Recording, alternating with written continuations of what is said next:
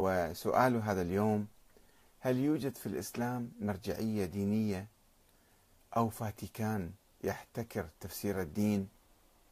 هل يحق لأي عالم ديني أو مرجع أن يتكلم باسم الإسلام أو اسم التشيع؟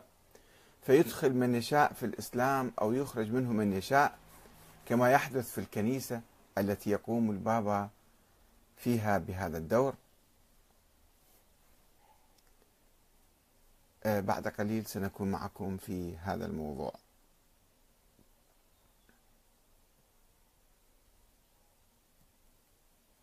دقائق إن شاء الله ونكون معكم في هذا البرنامج.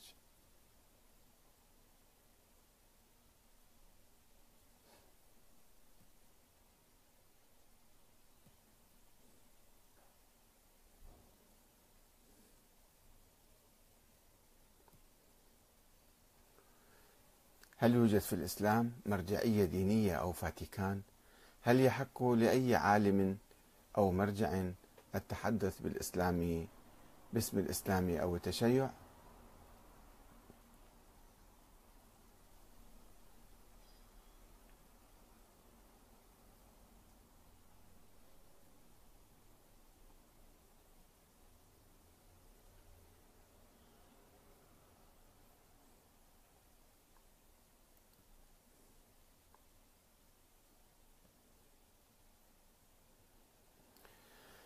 بعد قليل سنكون معكم في برنامج أنت تسأل وأحمد الكاتب يجيب. وسؤالنا لهذا اليوم هل يوجد في الإسلام مرجعية دينية؟ أو فاتيكان؟ وهل يحق لأي عالم أو مرجع احتكار تفسير الإسلام والتحدث باسم الإسلام أو التشيع.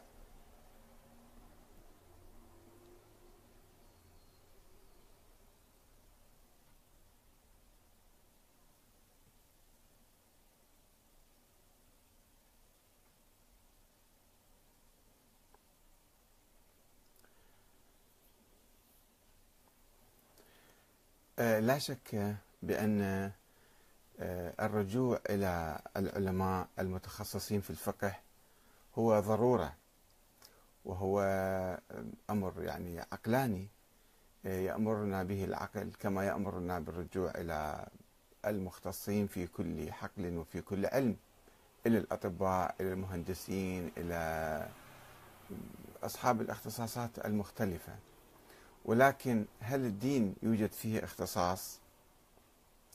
هل يوجد قيم على الدين؟ هل يوجد وصي على الدين؟ كما يوجد في الفاتيكان مثلا. الفاتيكان الكرادلة يجتمعون في مكان معين وينتخبون واحدا ناطقا باسم المسيحية فهو يكون وصي على المسيحية وهو الذي آه، قد يخرج إنسانا من المسيحية أو يدخله في, في هذا الدين. فهل يوجد مثل هذا في الإسلام؟ أم أن العلم مفتوح للجميع؟ وأن المسلمين يبحثون عن العلم لدى أي إنسان وليس عند شخص معين يسمى مثلا بابا المسلمين أو بابا الشيعة أو زعيم الطائفة الفلانية. هل لدينا في الإسلام زعيم لطائفة معينة دينية؟ زعيم الإسلام والمسلمين مثلا؟ أم هذه بدع حديثة يعني حادثة؟ ويحاول البعض أن يؤسس الدين يمأسس الدين في مؤسسات. أن هذا الشيخ هو المفتي الأكبر. هذا هو آه، شيخ الإسلام. هذا هو آه، المرجع الأعلى. هذا هو الناطق باسم هذه الطائفة. كما توجد بعض المؤسسات آه، الدينية الرسمية في لبنان مثلا. لكل طائفة زعيم متكلم باسمها. يجتمع أبناء الطائفة من المدنيين والعلماء والمشايخ والنواب مثلا والسياسيين وينتخبون زعيما لهذه الطائفة. فيتكلم باسمها وبالتالي له الحق أن يخرج من يشاء آه، من السلك الديني يعني آه، أو أتحدث باسم الدين أو باسم المذهب. هل هذا شيء يعني أصيل في الإسلام أم هذا شيء مبتدع؟ ومنذ قرون وليس يعني من الآن عندما وضع الحكام مفتين لهم وسموهم شيوخ الإسلام. وشيخ الإسلام يصدر الفتاوى بالتكفير يصدر الفتاوى بإعلان آه، الحرب على هذا أو ذاك. أو تكفير طائفة مثلا. فهل هذا كان عمل صحيح أو كان خطأ وكان بدعة في الدين. ودائما كما رأينا في التاريخ أو عندما ندرس التاريخ نرى أن هؤلاء المشايخ الرسميين يكونون دائما عادة تبعا للحكام يفتون حسب أهواء الحكام. وقل من منهم من آه، أفتى أو يفتي مثلا آه، خارج إطار آه، الدولة. وكان لدينا حديث هذا اليوم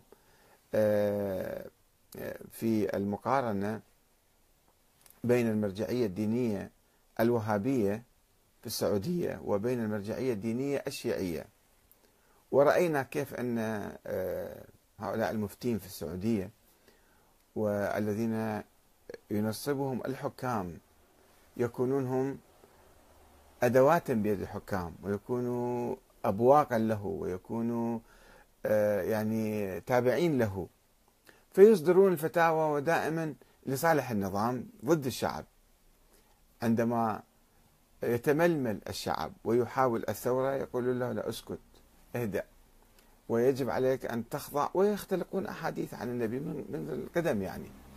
أحاديث مزورة وكاذبة عن النبي صلى الله وسلم عليه بأنه الحاكم لو ضربك لو ظلمك لو أخذ مالك لو جلد ظهرك يجب عليك الخضوع. والسكوت والسكون والاستسلام لهذا الحاكم. وكان هناك حديث معروف عند أهل السنة هو من من هذا الفكر الاستبدادي أنه لا يجوز الخروج على الحاكم. هاي ثقافة سنية تقليدية لا لا يجوز الخروج على الحاكم إلا إذا رأيتم منه كفرا بواحا عندكم من الله فيه برهان. إذا أعلن كفره الصريح فيجوز لكم الخروج عليه. هذا حديث موجود معروف مشهور عند السنة. أما أقل من ذلك لا. لا يجوز الخروج. إيه، الظالم مو مشكلة. يجب أن تستسلموا للحكام الظلام. وفي الفقه السني السياسي أن الحاكم لا يشترط أن يكون عادلا. يمكن يكون ظالم يكون فاسق يستولي على السلطة بالقوة. أيضا هذا مو مشكلة. الشيخ ابن باز أضاف شرطا جديدا وبدعة جديدة في الحقيقة. عندما قال بأنه لا يكفي أن يكون الحاكم يرتكب الكفر البواح حتى نخرج عليه لا. وطبعا كل عيونه ونظراته على آل سعود الذين كان آه، يكفرهم بعض الوهابية. و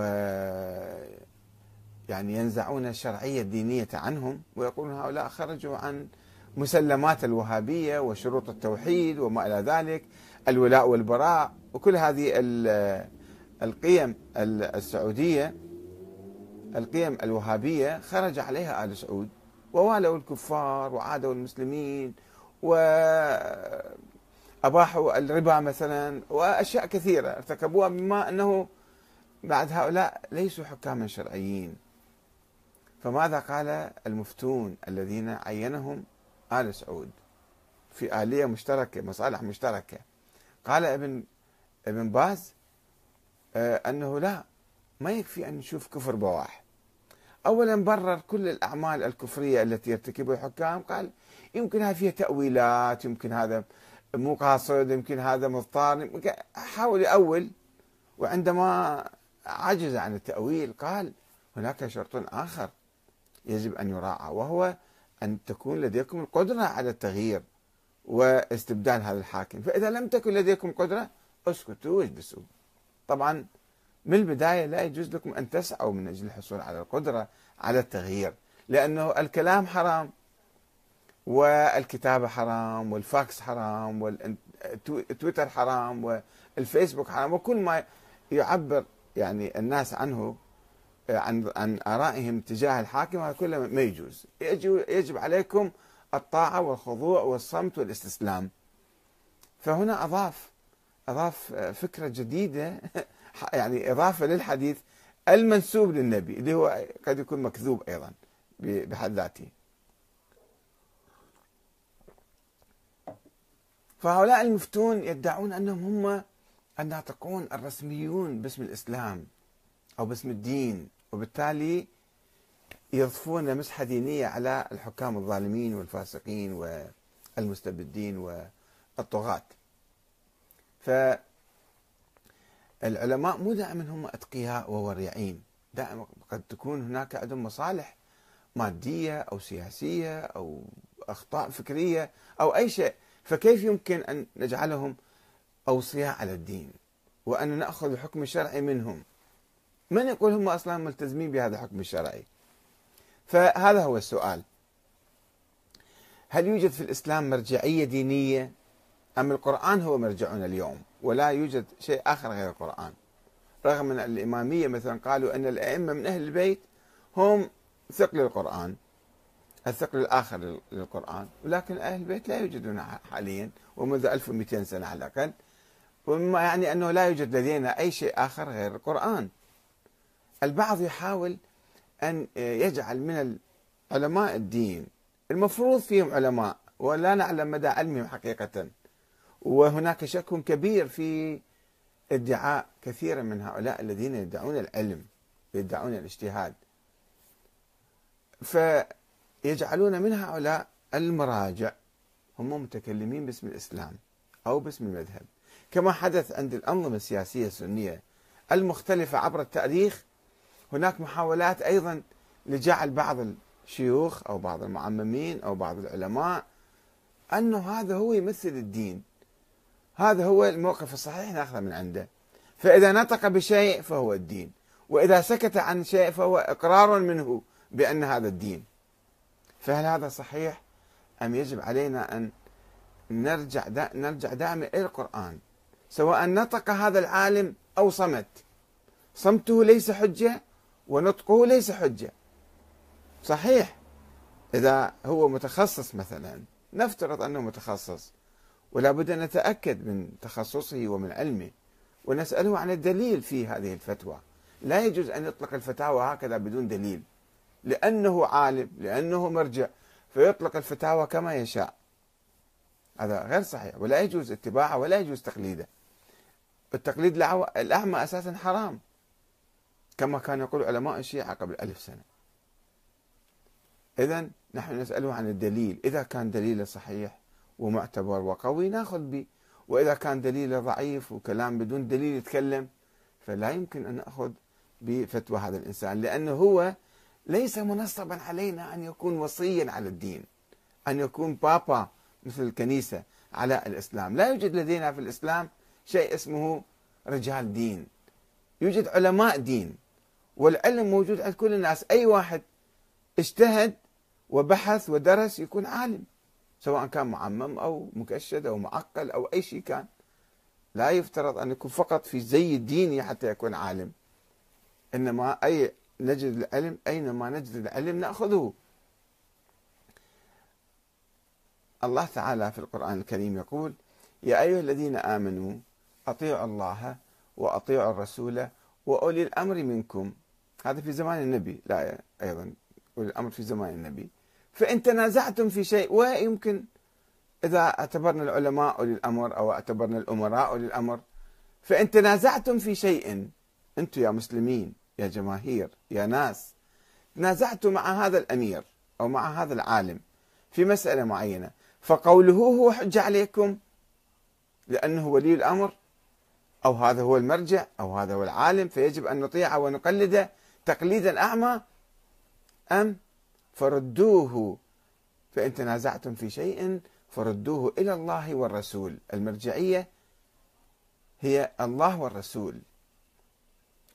آه، يعني القرآن الكريم والسنة النبوية الثابتة المتواترة.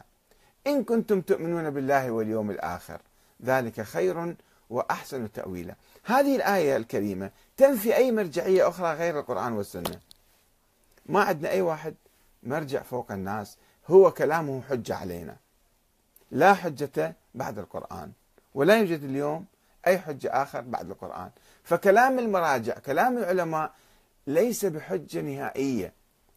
كدليل كواسطة ك يعني وسيلة إلى معرفة الحكم الشرعي الظني ممكن إحنا نشوف أدلته وناخذ به أما بدون دليل يعطينا فتوى هذا ليس هو وصي علينا حتى نلتزم بحكمه أو بأمره. طبعا في المسائل السياسية والإدارية القائد الأمير الرئيس المنتخب من الناس تكون قراراته ملزمة للناس. لا يمكن أن تكون فوضى ويعني كل واحد يجر طول واحد يجر عرض إنما هناك نظام وهناك مثلا قائد عام للقوات المسلحة منتخب من الناس وشرعي حاكم شرعي فيجب الالتزام بأوامره وتعليماته سواء كان عالم ولا مو عالم. يعني سواء كان معمم بالعلوم مختص بالعلوم الدينية أو لم يكن. هنا آه